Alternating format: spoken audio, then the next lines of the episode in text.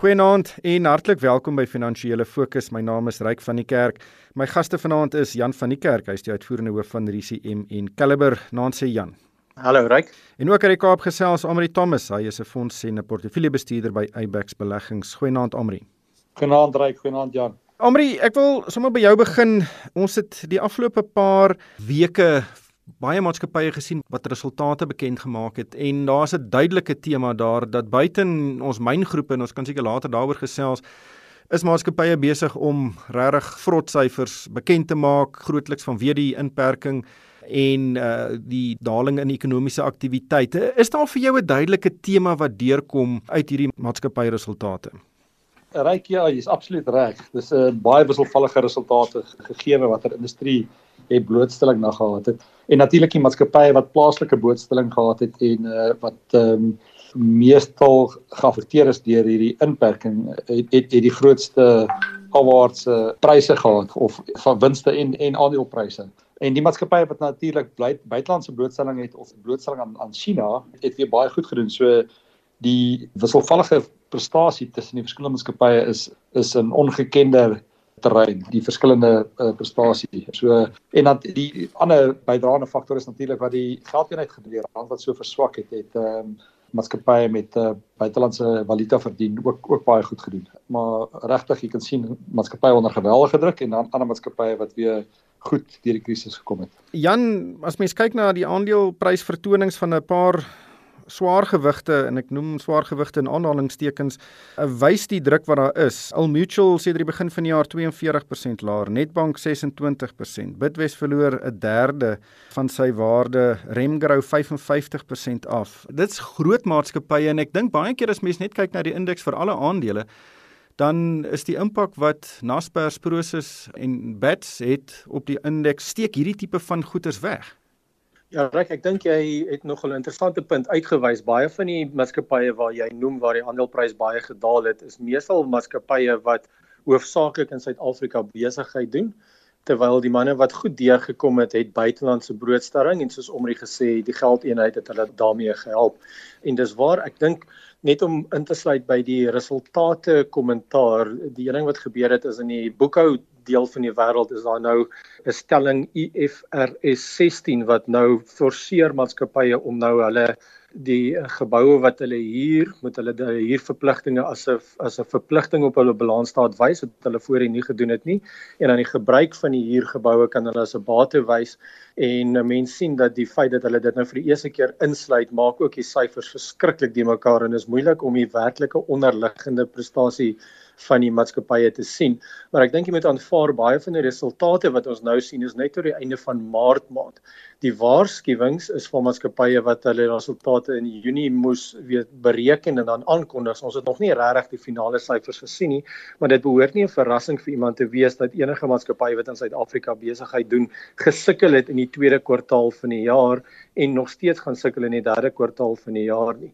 So die resultate is eintlik maar terugkykend en dit gee vir jou 'n idee van hoe swaar dit gegaan het in die ekonomie. Ek moet sê ek is verbaas dat 'n klompie van die maatskappye eintlik beter gedoen het as wat ek dink die sentiment en die aandelepryse op die oomblik vir jou wys wat ook duidelik is en ek dink omre dieselfde genoem daar's sekere besighede wat eintlik oukei okay gedoen het deur die hele proses en daar's ander mense wat baie seer gekry het en ek dink dit is die tema van wat die COVID klemsluiting in Suid-Afrika gebring het.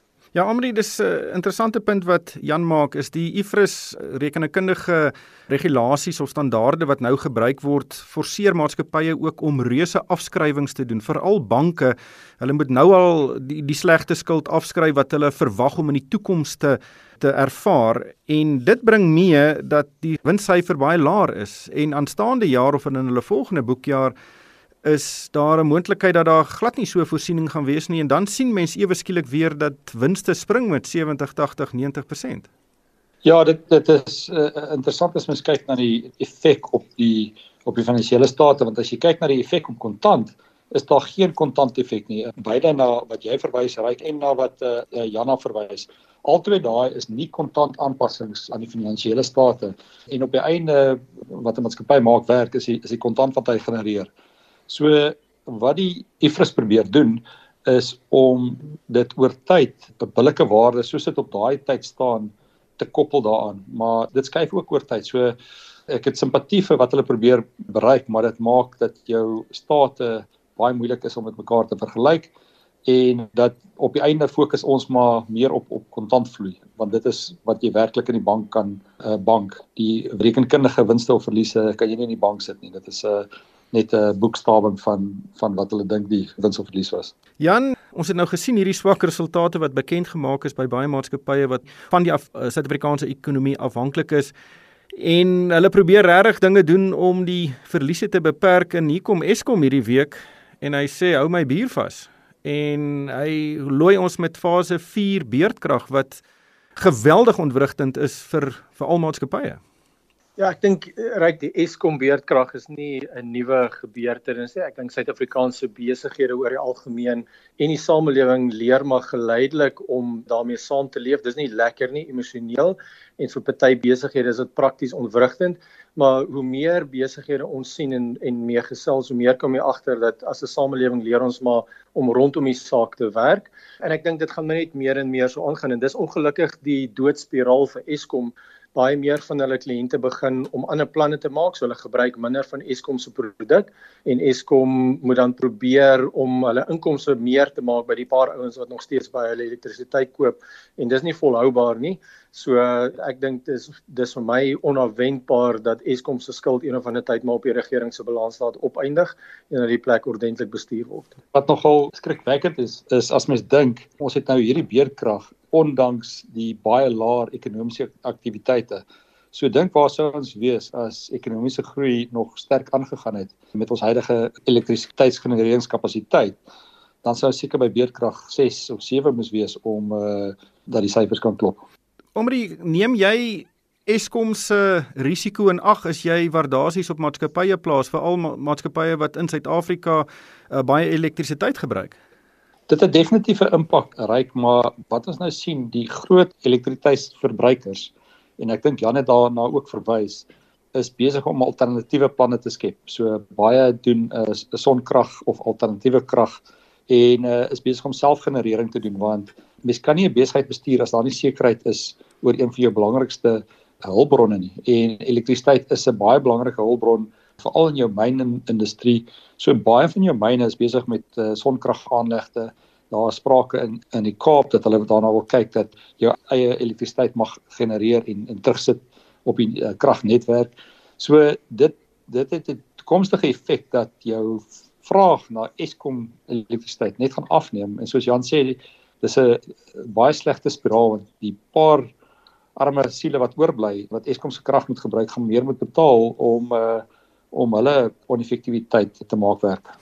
Dis amper 'n situasie van Eskom se strategie om sy markandeel of sy monopolie te beskerm gaan hom baie meer onlewensvatbaar maak in die toekoms. En Jan die, die ander ding is dat die sonkragfinansiering is belegging in Suid-Afrika en ek dink dis iets wat ons brood nodig het veral as die regering nou deurdruk met sy eh, kontrakte vir hernubare uh, energie. Ek dink op die oomblik kan die regering twee vleek met een klap doodmaak deur belegging te lok deur groen energie te ondersteun met kontrakte en dan ook om die afhanklikheid van Eskom te verminder.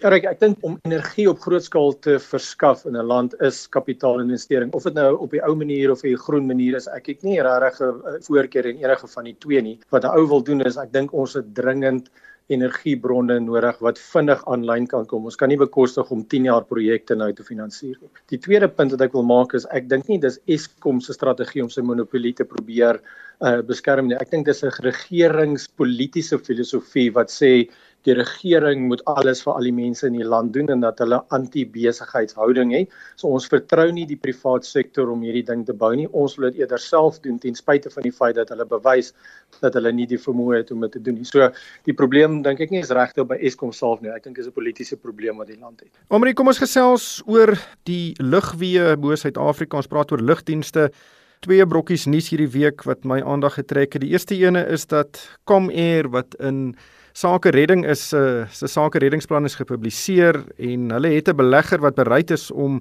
'n groot hoop geld in die lugdiens in te ploeg, maar hulle soek 99% van die aandele. So die huidige aandeelhouers se waarde en en belange gaan basies 1% word. Wat het jy daarvan gedink? Ryk, ek sou verbaas wees as krediteure nie ten gunste van dit stem nie, want die alternatief is erger. Nou dit is baie hartseer. Kameer is 'n maatskappy wat seker vir oor die 100 jaar wins gemaak het en is een van die min ligrederye wêreldwyd wat eintlik ek dink redelik goed bestuur was. En veral in die Suid-Afrikaanse konteks is dit is dit baie goed bestuur. Wat aandeelhouers wel gaan kry uit hierdie transaksie uit is hulle gaan R1 betaal word vir hulle aandele. So hulle gaan darm ietsie terugkry van wat hulle verloor het. Maar soos jy reg sê, die nuwe aandeelhouer gaan omtrent 99% besit en die maatskappy gaan ge, gedenoteer word. Maar ek dink vir die Suid-Afrikaanse lugvaartbedryf is dit 'n sal dit 'n groot positief wees as as die transaksie kan kan deurgaan. Ek dink dit uh, herkapitaliseer weer die besigheid en dit is 'n besigheid wat mens dink oor tyd baie goeie handelsmerk opgebou het en wat oor tyd as dinge normaliseer, dan weer een van die beter operateurs behoort te wees. Dit is nou natuurlik as SAL wat nog altyd maar staatsbefonds was dan die op 'n gelyke speelveld speel met hulle. Jan, die ander storie was dat Ethiopian Airlines met die SAL of uh, seker met die regering onderhandel om dalk 'n belang in die maatskappy te koop en ek het op sosiale media ook gesien dat baie mense sê dis amper 'n skande dat uh, ons met 'n uh, Ethiopiese besigheid moet gesels om 'n lugdiens in Suid-Afrika te bedryf wat regtig onlewensvatbaar is weens swak bestuur. Ja, ek dink ons moet vir Ethiopian Airways bel en hulle waarsku vra of hulle mooi weet waarna hulle hulle self begewe. Ek dink nie dis is dis is skande dat ons lig dat ons lugredery in so swak uh, posisie is. Geld se kleur is maar altyd die dollar is groen, jy weet, so dit maak nie regtig saak waar die ouens se geld vandaan kry nie. Maar ek dink uiteindelik dis nie net 'n kapitaalvraag nie. Die groot kwessie is of jy mense gaan kry wat die lugredery goed kan bestuur want daar's geen twyfel daaraan dat daar is 'n nut vir die samelewing en die ekonomie om 'n goeie of 'n paar goeie operateurs as lugredery in Suid-Afrika te hê.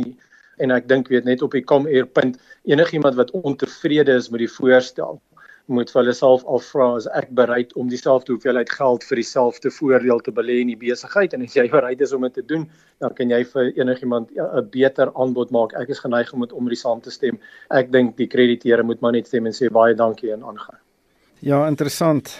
Maar ek dink die SAL storie is nog nie heeltemal afgehandel nie. Die regering soek 10 miljard rand wat skynbaar nie vrylik rond lê nie. So ons gaan maar sien wat daar gebeur. Daar's nog heelwat water wat in die see moet loop voordat die nuwe SAL se se eerste vliegtye opstyg. Omri, ons gaan hierdie week wat kom sien hoe groot die skade in die tweede kwartaal was, die ekonomiese skade. Ons daardie syfer word later die week aangekondig en sommige mense verwag tot 'n 50% daling in ekonomiese aktiwiteit in die tweede kwartaal. Ander mense is nou nie so negatief nie, maar wat verwag jy? Ryk, dit is baie moeilik want as soos ons vroeër al gesê het, ons gepaai wat na 0% toe geval het en ander wat redelik uh, kon presteer.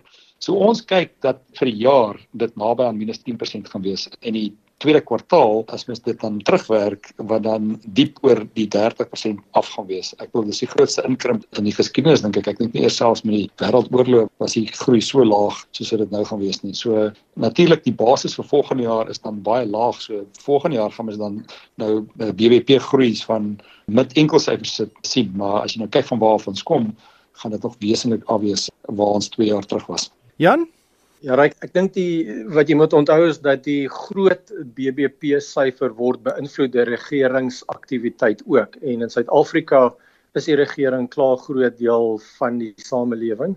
So alhoewel daar sekere dele van die privaat sektor is wat omtrent tot stilstand gekom het, was daar dele van die privaat sektor wat kon aangaan. Ek dink landbou is een deel wat kon aangaan en mynbou. En dan die regering het aanhou om hulle mense salarisse te betaal ongeag van die feit dat hulle nie by die kantoor was nie. So daar is sekere dele wat 50-60% kan afwees, maar ek dink op die groot BBP syfer is ek geneig om om die saam te stem. Ek dink die die syfer wat jy gaan sien gaan groot wees in die konteks van die geskiedenis, maar dit gaan nie so groot wees soos wat jy aanvanklik genoem het nie. Die ander punt is jy moenie onderskat hoe vinnig ekonomiese aktiwiteit terugskop nie. So as jy wil kyk na die effek van die tweede kwartaal of die koronavirus knyptang, kyk na die hoeveelheid skuld wat die regering op hulle balansstaat gesit het. Dit is vir my 'n baie groter kommer as die ekonomiese aktiwiteit want uh, aktiwiteit kom redelik vinnig terug. Die reaksie of die herstel gaan interessant wees. Maar net laastens, hoe moet beleggers kyk na hierdie situasie want aandelepryse of die indeks vir alle aandele is omtrent op dieselfde vlak as aan die begin van die jaar, hoewel ons nou vroeër verwys het na baie maatskappye wat op die plaaslike ekonomie aangewese is wat regtig seer gekry het. Hoe moet jy dit nou benader as jy nou dink, jene, ons gaan nou hierdie rooi syfers sien, hierdie lelike syfers, moet mens nie dalk 'n bietjie meer konservatief wees nie of uh, moet mens kyk, jene, hier is nou goeie geleenthede, kom ons klim in. Omri, jou gedagtes daaroor? Ryk, ek dink versigtigheid is nooit 'n slegte strategie nie. Maar ek dink wat ons gesien het, wat gebeur het tot dusver, is daar's uh, wesenlike verskillende reaksies van die aandelepryse. Ek ek kyk byvoorbeeld na iets soos die na die eiendomssektor. Hierso is 'n sektor wat so 2 jaar terug teen premies teen net die batewaarde verhandel het en nou kan jy van daai maatskappye optel teen 30% van hulle netto batewaarde. Soos ons vroeër genoem het, as daar net 'n bietjie herstel is in die in die plaaslike ekonomie, kan daar wesenlike opbrengste wees uit hierdie sektore wat so hard geslaan is. Ek kyk na ons banksektor opgeneem is ek bedoel Netbank af 60%, Absa af 60%. Hierdie hierdie finansiële sektor is geweldig geslaan. Hulle het groot voorsienings deurgesit in hulle boeke.